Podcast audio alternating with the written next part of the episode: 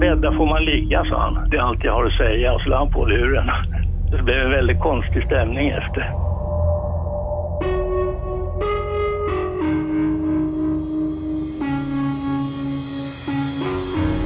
Om den där rättegången hade skildrats på ett annorlunda sätt så tror jag så att säga min, min mediebevakning över hur bevisningen verkligen såg ut så är inte jag säker på att det hade slutat på det här sättet.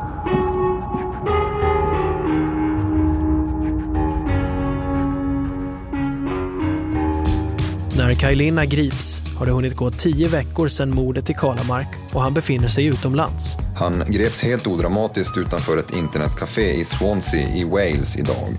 Trots avsaknaden av teknisk bevisning är åklagaren säker inför rättegångarna. Jag har en, en omfattande utredning som jag bedömer räcker för att man ska få den här personen fälld. Advokaterna fnyser närmast åt detta. Och för mig är det faktiskt än i denna dag helt obegripligt hur man kunde döma honom. Helt obegripligt. En knäckfråga. Han verkligen Kajlina utföra dådet? Då måste han ha kört och vandrat drygt nio mil på en timme och 28 minuter. Vi gör vår egen rekonstruktion. Vi har kört nog lika snabbt som polisen så har vi kört eh, halvvägs. Men vi har inte hunnit halvvägs? Um, nej. Det här är Spår. Kalamarksmordet. Avsnitt 3. Jag heter Anton Berg. Jag var övertygad om att det var han. Med, med hela allting framför mig så att säga då. Va? Var ni eniga allihopa då? Ja, vad jag kommer ihåg var vi det. Det här är Dan Ankarholm. Han är en av de lagmän som dömde Kajlina. Dan Ankarholm var nämndeman i hovrätten i övre Norrland. Det, vad jag kommer ihåg va, så var det en väldigt, eh, om jag minns rätt mål nu, att det var en väldigt lång sammanhängande indiciekedja i det här. Som man, som man så att säga nyftade upp hela tiden, hela vägen. Vi ska titta närmare på den här indiciekedjan och se hur sammanhängande den egentligen är. Jo, det var byxor, några blåa byxor som hans eh, dåvarande sambo eh, saknade och som någon hade sett krypa in i det här smala fönstret. Nu börjar jag komma ihåg mer. Ja, alltså byxorna återfanns ju sen så det var ju rent trams, rent ut sagt. De här mätningarna av skospår var ju också trams. Eh, Det här är journalisten Stefan Lisinski. Han är förmodligen den person som kan mest om Kalamarksmordet efter att ha följt, skrivit och själv utrett flera detaljer om fallet i sin roll som kriminaljournalist på Dagens Nyheter. Nej, men jag får en känsla av att det här är ett sånt där fall eh, där domstolen eh, i grund och botten har tänkt så här att ja, vi förstår inte eh, hur det här hänger ihop. Men polisen verkar ju så övertygad och åklagaren verkar så övertygad så då är det säkert så. Och han verkar ju skum. Och Kaj framstår ju som en skum figur. Liksom. Menar du att vi har sådana domstolar i Sverige? Ja, det, det verkar så i det här fallet. Vi återkommer till DN-journalisten Stefan Lisinski lite senare i det här avsnittet. För han börjar granska fallet först efter tingsrätten och hovrätten slagit fast att Kajlina är en mördare. Förhör med Linna och det gäller nu åtalet mord och grovt rån. Varsågod. Spår har lyssnat på alla förhör i både tingsrätt och hovrätt. Över 28 timmars inspelat ljud. Och så här låter det första gången Kajlinas röst hörs. Vi befinner oss då i Luleå tingsrätt. Eh, Han nämnde vid något tillfälle att jag hade ringt till Li och pratat om den här nyckeln. Det- Det har jag inte gjort. Vi har inte pratat om det på telefon. Det är rättegångens andra dag, onsdag den 8 december 2004. Första dagen hördes Sune, den överlevande brodern. Och nu är det alltså den misstänkte Kajlinas tur. Kan du prata lite högre? Det är svårt Jag kan försöka prata lite högre, men jag har suttit häktad i fem månader och inte använt mina stämband, så det är inte så lätt. Kajlina greps i Swansea i Wales 1 juli 2004. Han hade då hållit sig borta från polisen i nästan tio veckor. Jag ville ha liksom kontroll över mitt liv och över situationen och få reda på vad har hänt. Va? Kajlina menar att han följde polisarbetet via lokaltidningarnas internetsidor och att det som publiceras där gör att han känner sig än mer osäker. Det här är ju jobbigt. Jag menar, de är helt säkra på att det är jag. De har hittat sån kraftig bevisning i form av alltså, teknisk DNA och sånt skit på brottsplatser. Liksom. Det, det var väldigt kaotiskt alltså. I media finns uppgifter om att polisen säkrat spår och skickat dem till Statens kriminaltekniska laboratorium, SKL. Men det kommer att visa sig att inga spår kommer att peka ut Kai när proverna sen analyserats. Och det är samma sak med uppgifterna om gärningsmannens bil som först läcker ut i media. Man gick ut och påstod till exempel att eh, eh, en vit bil hade varit synlig. Att min vita bil var den det var frågan om. Så den 23 april så förändrades mitt liv totalt. För all, all framtid. Det, vad, vad var det som inträffade då? Ja, att jag blev konstaterad inför hela världen och inför mina barn att jag är en mördare, en, en brutal iskalle. Ja, ja.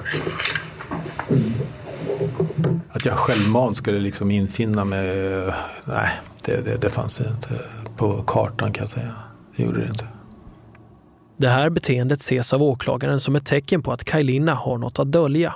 Varför skulle en oskyldig människa hålla sig borta? Men om du lämnar landet på det sätt du... Jag hade redan lämnat landet. Du, Ja, och det är alltså på, så att säga, för lång tid. Ja. Då, då får ju allt det här stå oemotsagt. Nej, det fanns stora förhoppningar naturligtvis att det här skulle redas ut snabbare än så. Det fanns ju hela tiden eh, uttalanden från dig om att det här ligger hos SKL och vi ska när som helst få besked. Det var väl det jag hoppades på mest. Vad tiden gick så tog jag ju kontakt med advokat och ville ha del i det, ta del i det hela så att säga. Ja, det var väl en mardröm hela, hela historien för honom. Den som fått uppdraget att försvara Kajlina, det är advokat Anders Karlsson. Mycket har ju fastnat och framförallt en, en, en, en dålig smak i munnen efter hela den här historien eftersom jag tycker då att bevisningen eh, har ju egentligen inte varit tillräcklig för att kunna fälla Kaj.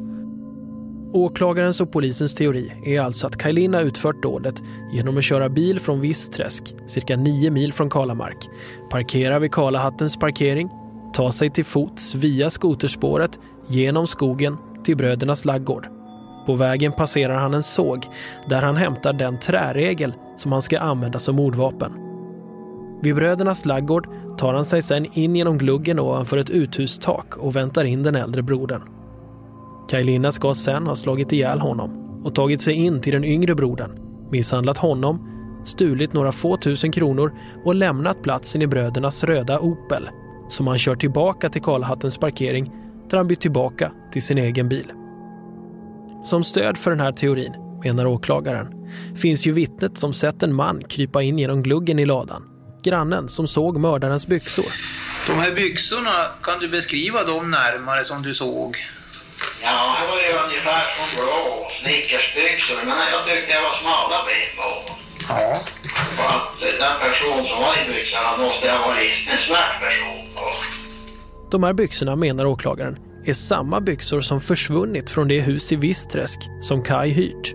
Vi hör Elvy Karlsson, kvinnan som äger huset, vittna.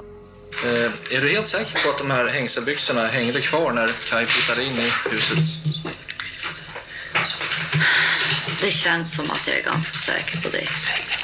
Jag kan inte förstå annars vad, vart de ska hängs undan. Eller. Men inte 100 procent säker? Ja, 99,9. Ett annat indicium är de spår som man hittat i snön. Enligt polisens kriminaltekniker är spåren gjorda av någon med storlek 43. Samma som Kajlina. Den här skostorleken, du har ju sagt att det är skostorlek 43. Hur vet du det?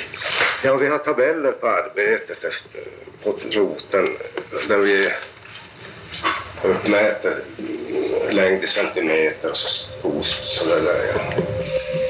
Vi ska återkomma till skostorleken lite senare, men först ett större problem med åklagarens teori. Det handlar om den bil som stått parkerad vid Karlahattens parkering. Den har nämligen fel färg. Gärningsmannabilen var inte Kajs bil. Kai körde en röd Toyota som han lånat av sin hyresvärd.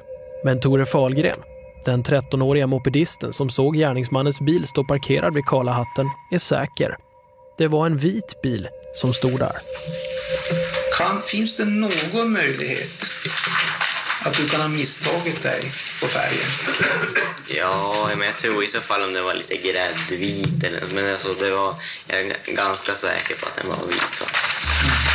Du är ganska säker på det? Ja, jag tror det. Jag såg att du har till och med huggit till med 100 procent i något polisförhör. Ja, ja. Står du för det där? det- Jo, nu, nu gör jag det. Du gör det? Ja. Så byxorna kan eventuellt stämma på Kajlina. Han är tillräckligt smärt för att ta sig in genom gluggen i ladan. Spåren ska stämma med storlek 43 i skor. Det är på åklagarens pluskonto hittills. Det som talar mot Kajlinas skuld är alltså färgen på bilen och det faktum att ingen teknisk bevisning har hittats på platsen. Det menar i alla fall polisens egen kriminaltekniker under tingsrättsförhandlingarna. Det jag koncentrerar mig på när vi bakspårar det var ju dels att kunna säkra spåren här och eventuellt hitta någon form av eh, spår efter DNA. Om man hade hittat cigaretter eller man hade hittat snus eller man hade hittat urin eller någonting. Och det är mycket märkligt att man inte har gjort det faktiskt. Att jag, att jag inte hittade det för att eh, det tyder på att det här var om den här gärningsmannen som, som jag tror har gjort här så är det väl, väl planerat. Man har tagit vara allt som man kunde tänka sig skulle, skulle underlätta vår utredning. Också den här detaljen ska vi återkomma till. För det finns spår i snön som inte redovisas i tingsrätten. Men alla de här detaljerna och indicierna spelar ändå en liten roll i jämförelse med den historia som vittnet Nils berättar. Det är Nils som kommer att avgöra det här målet. Hans trovärdighet ställs mot Kajlinas. Eh, Jag hade fått kännedom om att Kaj planerar att göra någon form av stöd, idrott eller liknande hos eh, Sune och Roger. Hur har du fått kännedom om det? Kaj berättade. Ja. För enligt Nils har Kaj berättat om hela planen i förväg. Så berättade han att han hade planerat en sån stöt. Och Planerat en? en eh, stöt, eller han hade Stöt, ett jo, jag hörde bara inte det susa lite. Ja, okej. Eh, och eh, då när han beskrev det närmare så började jag förstå, då kände jag på mig att det är i Karlemark. Och nu kommer en mycket viktig detalj i hela den här historien. Den så kallade avvärjningsresan. Det är ett konstigt uttryck, men det beskriver väl vad det handlar om. För enligt Nils har han och Kajlina åkt bil tillsammans kvällen innan mordet. Nils vill nämligen avvärja hela brottet. Ni åkte tydligen då mot Piteå. Vad var syftet med den resan? Syftet var att jag skulle visa att jag verkligen kände till att det var hos eh, eh, Roger och Sune. Att jag hade varit där. Eller, jag kan inte riktigt styrka att jag gjort affärer med dem, men jag kan i alla fall visa att jag visste var det var. Mm. Och syftet med att visa vad det var, var att du kände till de här bröderna. Vad var själva syftet med det i sin tur? Att det var samma ställe vi pratade om, att han absolut inte kan göra någonting där. För då kommer jag alltså att eh, sätta dit honom. Nils har nämligen också besökt bröderna i Kalamark förut. Han har agerat ombud för Bertil, mannen som sålde kassaskåp med Kajlina och sen brandsläckare till bröderna. Och på kort tid så har Nils lyckats få ut 140 000 kronor i två omgångar från bröderna i en märklig affär där summan skulle garantera att affärer mellan Bertil och bröderna nu är slutuppklarade. De 140 000 kronorna som bröderna betalar till Nils betalas kontant. Om nu någon skulle begå ett brott mot bröderna är Nils rädd att polisen kommer misstänka både honom och Bertil. Det är därför han vill få Kai på andra tankar, menar han. Och då krävs det en resa för att Nils ska kunna visa för Kajlina att han vet vilka bröderna är och var de bor. Varför är du så engagerad för att eh, visa eh, och förhindra det här? Vad har du för... Ja, jag är rädd att den 77 gången jag hör det här, alltså om en stöt, att det ska genomföras då. Mm. Det skulle verkligen sätta mig i klister.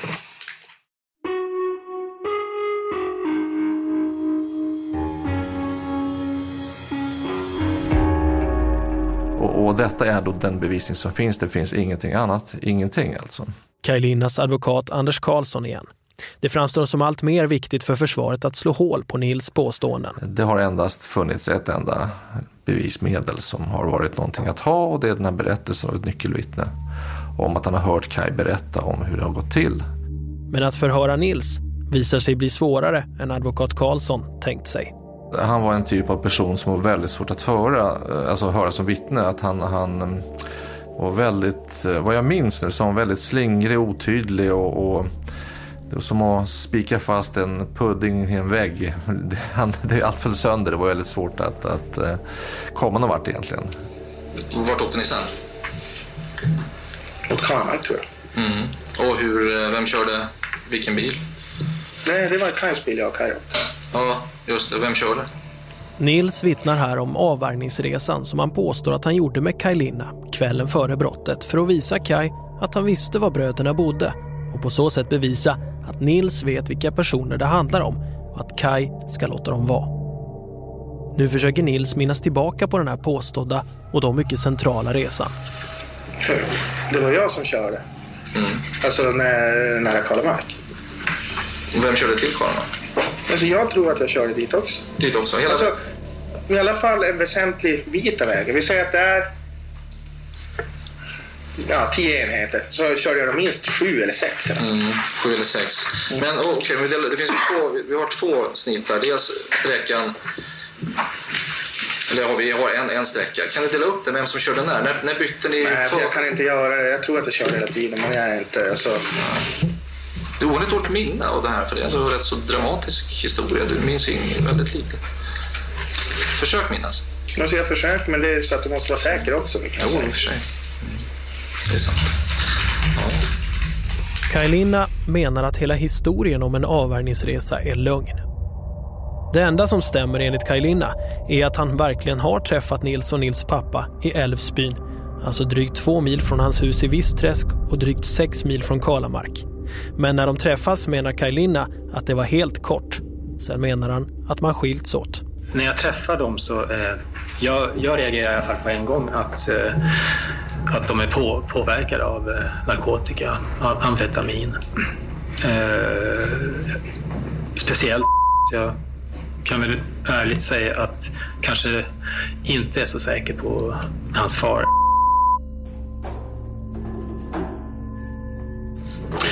Det som händer sen är ju att eh, vi skiljs åt.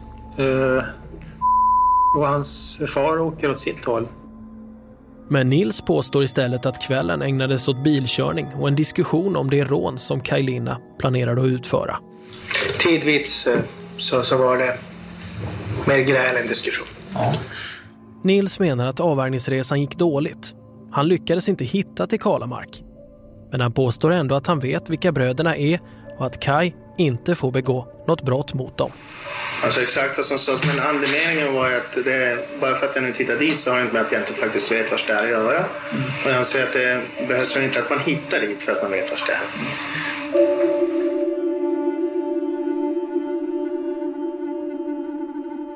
När vi kommer till slutpläderingarna så gör åklagaren, förutom ett stort nummer av Nils, också en stor sak av att Kai hållit sig borta, att han har flytt Sverige. Medan försvaret försöker slå sönder Nils trovärdighet och tillbakavisa den så kallade flykten. Tittar man närmare på hur han färdades genom landet så är det inte en flykt. Han åker lugnt och stilla från Piteå ner till Stockholm. Han är i Stockholm ett antal dagar. Han söker arbete i Stockholm. Och sen masar han sig vidare till Centraleuropa eller till, till Holland tror jag det var. Sen vidare till, till Storbritannien. Så att du är inte en man på flykt. Så här låter det när Sveriges Radio P4 Norrbotten summerar efter slutpläderingarna. Kortfattat kan man säga att åklagaren har gått igenom sin bevisning och säger att det finns inget tvivel och försvarsadvokaten försöker på alla sätt grusa sönder huvudvittnets berättelse för att få sin klient helt frikänd.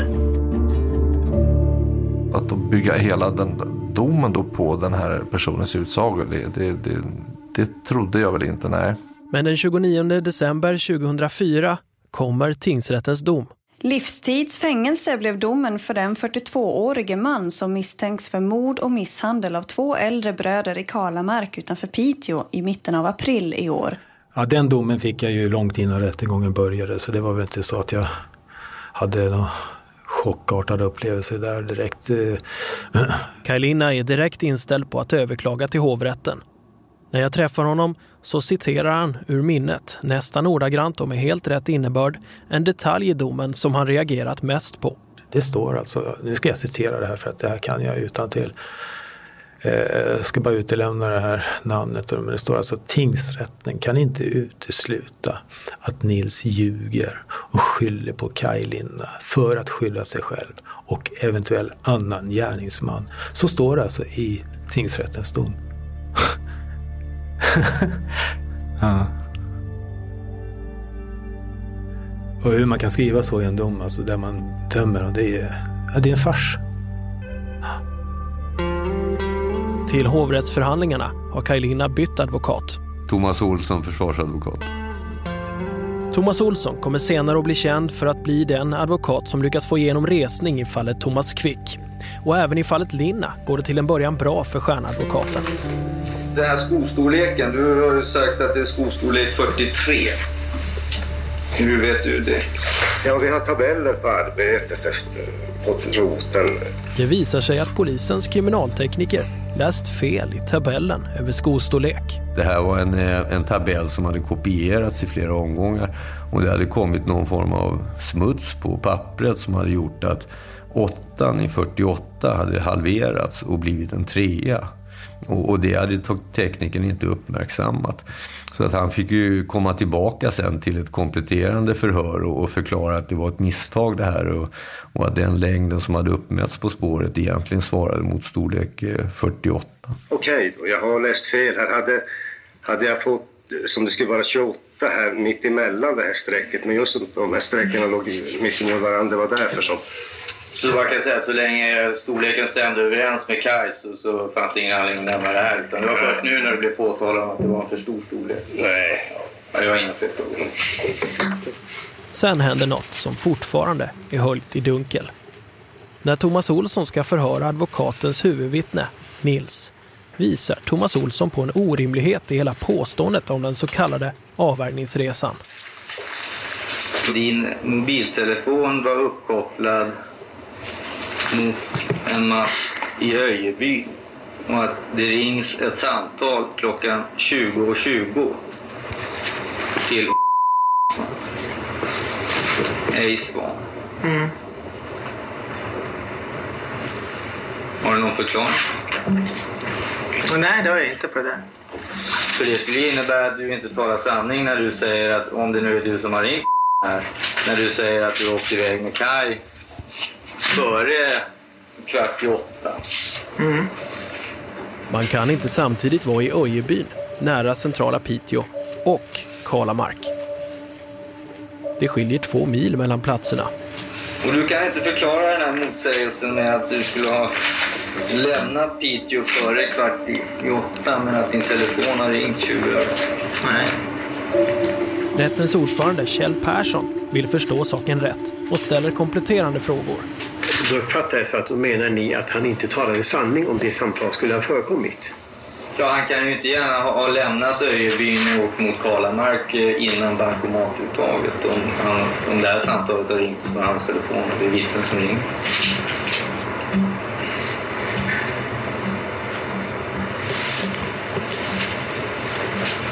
Då måste ju vittnet i fråga ha varit i Öjebyn vid den. Jag funderar på, för det här nämns sen inte i domen. Nej. Den här problematiken tas inte upp i domen. Mm. Alls. Och då tänker jag, fattar de inte eller? Vad fan är det som händer här? Ja, det, den frågan måste man ju naturligtvis rikta till, till eh, rättens ledamöter. Men eh, min uppfattning är att tydligare än så kan det inte bli. Och, och den här frågeställningen den återkommer ju sen i slutanföranden. Det är ju en väsentlig punkt i eh, värderingen av kamratens uppgifter och den eh, framförs ju med all tydlighet eh, i slutanförandena. Så att, enligt min uppfattning kan det ju inte ha undergått någon som har varit vaken vid det här tillfället att problematiken fanns. Huruvida rätten förstår eller inte får vi inte veta.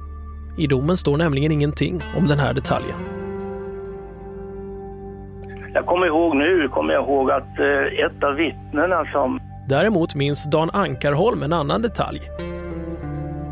Jag vet inte vem som kallade honom. Det var något telefonvittne som var bror till den här äh, Linna. Det var Dan Ankarholm som ni hörde i början av avsnittet. Han satt som nämndeman i hovrättsförhandlingarna och tillsammans med fyra andra så är det han som står bakom domen. Detaljen som etsat sig fast i Dan Ankarholms minne drygt tio år efter domen handlar om ett helt annat vittnesmål. Och då ställde, jag tror det var åklagaren eller om det var den här Olsson, en fråga till honom. Är det någonting mer du vill säga eh, innan vi avslutar förhöret eller vittnesmålet? Så då, då sa brodern så här någonting i den här stilen. Som man bäddar får man ligga, sa han. Det är allt jag har att säga. Och så la han på luren. Det blev en väldigt konstig stämning efter. Dan Ankarholm refererar till ett vittnesmål som mycket riktigt hölls per telefon. Och det var Kajlinnas bror, Marco Engström, som vittnade. Och han sa verkligen... Alltså, som man bäddar får man ligga. Men resten av Dan Ankarholms bild är helt fel. Marco Engström avslutar inte samtalet med talesättet. Tvärtom kommer det i början, när advokaten undrar om förhållandet att han är bror med den åtalade kommer påverka sanningen i det han säger. Eh, Kaj är ju ändå din bror. Skulle du kanske justera sanningen lite grann? För hans skull. Nej, alltså som man bäddar får man ligga. Hade du ringt mig och sagt att, att han hade så att säga gjort något bedrägligt eh, eh, så, ja, så att han satt för skattebrott eller någonting. Jag hade inte satt min fot här. Han hade fått skylla sig själv. Jag ser ingen som helst anledning att ljuga eller på något sätt eh, förvränga sanningen. Som man bäddar får man ligga, så är det. Mm. Hur är det Så det som Dan Ankarholm till och med minns som en underförstådd anklagelse mot en bror och som skapade Väldigt konstig stämning efter. ägde i själva verket rum som ett intygande om att det faktum att Valjo är bror med Kai inte kommer spela roll. Sanningen är viktigast. Jag spelar inte upp det här för att misskreditera Dan Ankarholm. Det är svårt att minnas tillbaka på händelser som skett över tio år tidigare. Men det här visar på hur bedrägligt människans minne kan vara. Och det är ett problem man måste ha brottats med under själva rättegångarna också. För utan teknisk bevisning så var man helt utelämnad åt personers vittnesmål.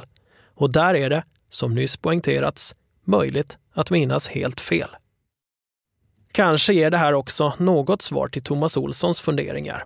För han menar i alla fall att han gjorde allt han kunde i rättssalen.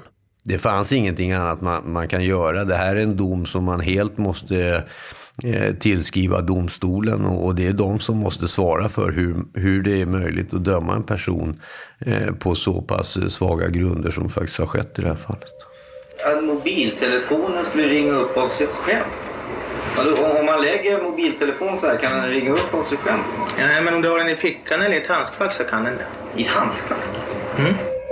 Den enda förklaring vittnet Nils till slut kan ge är att hans mobil måste lägga till handskfacket på den bil som hans pappa körde och som då varit i Öjebyn i Piteå. Samtidigt som han själv påstår att han och Kajlina letade sig ut mot Kalamark. Och att den här mobilen då ska ha råkat ringa upp av sig själv. Och då skulle den av någon anledning bara ringa till Nej, men det kanske var sista ringda nummer eller att den... Men då måste man väl trycka två gånger? Ja, visst. Och för att den, skulle studsa runt där så skulle du tycka att... Var, var körde din pappa bilen någonstans? I skogen? Nej, det vet jag inte. Det tror jag inte. Efter- en vanlig väg. Det trodde ju inte ens åklagaren på. Eh, dessutom var ju inte det här senast slagna numret så att det stämmer ju inte. DN-journalisten Stefan Lisinski igen. Han blir intresserad av fallet först efter hovrättsprocessen. När domen faller i mars 2005 fastställer man tingsrättens dom. Kajlina döms för mordet. Hovrätten menar att Kajlinas motiv var pengar.